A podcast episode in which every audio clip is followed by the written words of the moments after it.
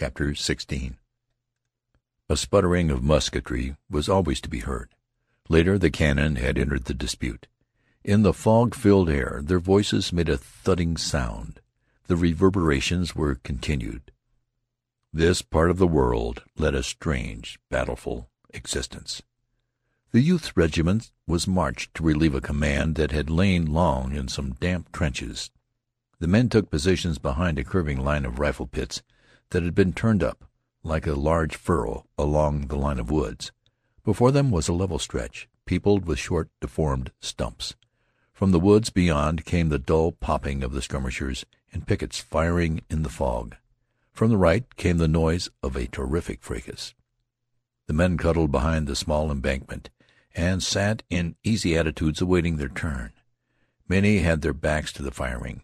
The youth's friend lay down, buried his face in his arms, and almost instantly, it seemed, he was in a deep sleep. The youth leaned his breast against the brown dirt and peered over it at the woods, and up and down the line. Curtains of trees interfered with his ways of vision. He could see the low line of trenches but for a short distance. A few idle flags were perched on the dirt hills. Behind them were rows of dark bodies, with a few heads sticking curiously over the top. Always the noise of skirmishers came from the woods on the front and left, and the din on the right had grown to frightful proportions. The guns were roaring without an instant's pause for breath. It seemed that the cannon had come from all parts and were engaged in a stupendous wrangle. It became impossible to make a sentence heard. The youth wished to launch a joke, a quotation from newspapers. He desired to say, "All quiet on the Rappahannock," but the guns refused to permit even a comment from their uproar. He never successfully concluded the sentence. But at last the guns stopped, and among the men in the rifle pits rumors began to flow, like birds, but they were now for the most part black creatures who flapped their wings drearily near to the ground and refused to rise on any wings of hope. The men's faces grew doleful from the interpreting of omens. Tales of hesitation and uncertainty on the part of those high in place and responsibility came to their ears. Stories of disaster were borne into their minds with many proofs.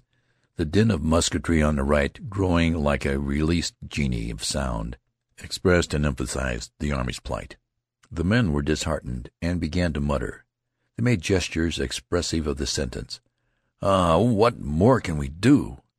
And it could always be seen that they were bewildered by the alleged news and could not fully comprehend a defeat. Before the gray mists had been totally obliterated by the sun's rays, the regiment was marching in a spread column that was retiring carefully through the woods. The disordered, hurrying lines of the enemy could sometimes be seen down through the groves and little fields. They were yelling shrill and exultant. At this sight the youth forgot many personal matters and became greatly enraged. He exploded in loud sentences. "By Jiminy, we're generaled by a lot of lunkerheads." "More than one feller has said that to day," observed a man. His friend, recently aroused, was still very drowsy. He looked behind him until his mind took in the meaning of the movement. Then he sighed. "Oh, well, I suppose we got licked," he remarked sadly. The youth had a thought that it would not be handsome for him to freely condemn other men. He made an attempt to restrain himself, but the words upon his tongue were too bitter. He presently began a long and intricate denunciation of the commander of the forces. "Mebbe it weren't all his fault, not altogether. He did the best he knowed.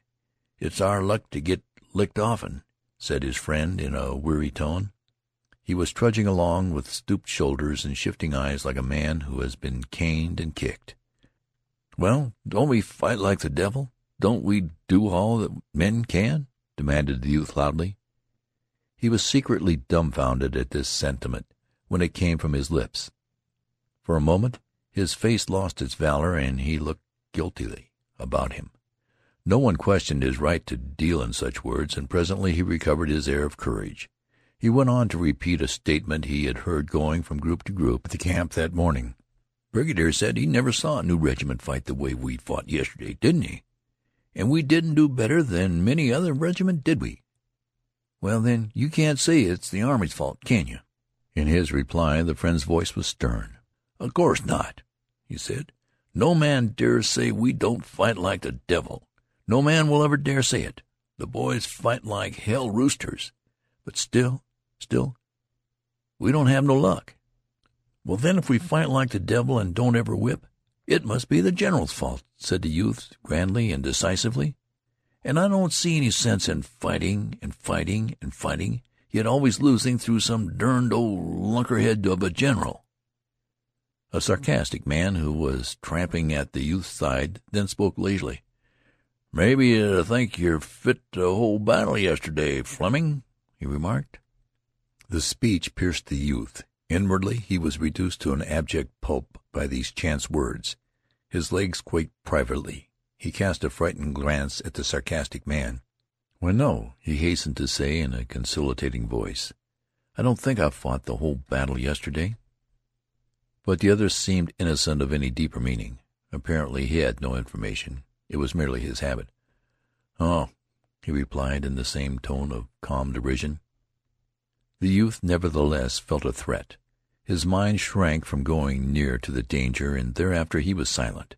The significance of the sarcastic man's words took from him all loud moods that would make him appear prominent. He became suddenly a modest person. There was low toned talk among the troops. The officers were impatient and snappy, their countenances clouded with the tales of misfortune. The troops sifting through the forest were sullen. In the youth's company once a man's laugh rang out. A dozen soldiers turned their faces quickly toward him and frowned with vague displeasure. The noise of firing dogged their footsteps. Sometimes it seemed to be driven a little way, but it always returned again with increased insolence. The men muttered and cursed, throwing black looks in its direction. In a clear space the troops were at last halted. Regiments and brigades, broken and detached through their encounters with thickets, grew together again and lines were faced toward the pursuing bark of the enemy's infantry. This noise, following like the yellings of eager metallic hounds, increased to a loud and joyous burst, and then, as the sun went serenely up the sky, throwing illuminating rays into the gloomy thickets, it broke forth into prolonged pealings. The woods began to crackle as if afire. "Whoop-a-dee!" said a man. "There we are! Everybody's fightin'. Blood and destruction. I was willin' to bet they'd attack as soon as the sun got fairly up," savagely asserted the lieutenant who commanded the youth's company. He jerked without mercy at his little mustache. He strode to and fro with dark dignity in the rear of his men, who were lying down behind whatever protection they had collected. A battery had trundled into position in the rear and was thoughtfully shelling the distance. The regiment, unmolested as yet, awaited the moment when the gray shadows of the woods before them should be slashed by the lines of flame. There was much growling and swearing. "Good God!" the youth grumbled. "We're always being chased around like rats. It makes me sick. Nobody seems to know where we go or why we go. We just get fired around from pillar to post, and get licked here and get licked there, and nobody knows what it's done for. It makes a man feel like a damn kitten in a bag. Now I'd like to know what the eternal thunders we was marched into these woods for anyhow, unless it was to give the Rebs a regular pot shot at us. We came in here and got our legs all tangled up in these cussed briars, and then we began to fight, and the Rebs had that easy time of it.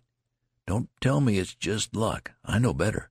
It's as derned old the friend seemed jaded, but he interrupted his comrade with a voice of calm confidence. "It'll turn all right in the end," he said. "Oh, the devil it will. You always talk like a dog-hanged person. Don't tell me I know." At this time there was an interposition by the savage-minded lieutenant, who was obliged to vent some of his inward dissatisfaction upon his men. "You boys shut right up. There's no need. You all are wastin' your breath in long-winded arguments about this and that and the other. You've been jawin' like a lot of old hens.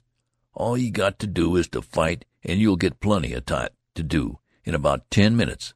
Less talkin' and more fightin' is what's best for you boys. I never saw such gobbling jackasses." He paused, ready to pounce upon any man who might have the temerity to reply. No words being said, he resumed his dignified pacing. "There's too much chin music and too little fightin' in this war, anyhow," he said to them, turning his head for a final remark. The day had grown more white, until the sun shed its full radiance upon the thronged forest. A sort of a gust of battle came sweeping toward that part of the line where lay the youth's regiment. The front shifted a trifle to meet it squarely. There was a wait. In this part of the field there passed slowly the intense moments that precede the tempest.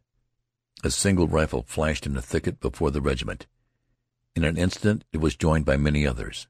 There was a mighty song of clashes and crashes that went sweeping through the woods. The guns in the rear, aroused and enraged by shells that had been thrown burr like at them, suddenly involved themselves in a hideous altercation with another band of guns. The battle roar settled to a rolling thunder, which was a single long explosion. In the regiment there was a peculiar kind of hesitation, denoted in the attitudes of the men. They were worn, exhausted, having slept but little and labored much. They rolled their eyes towards the advancing battle as they stood awaiting the shock. Some shrank and flinched. They stood as men tied to stakes.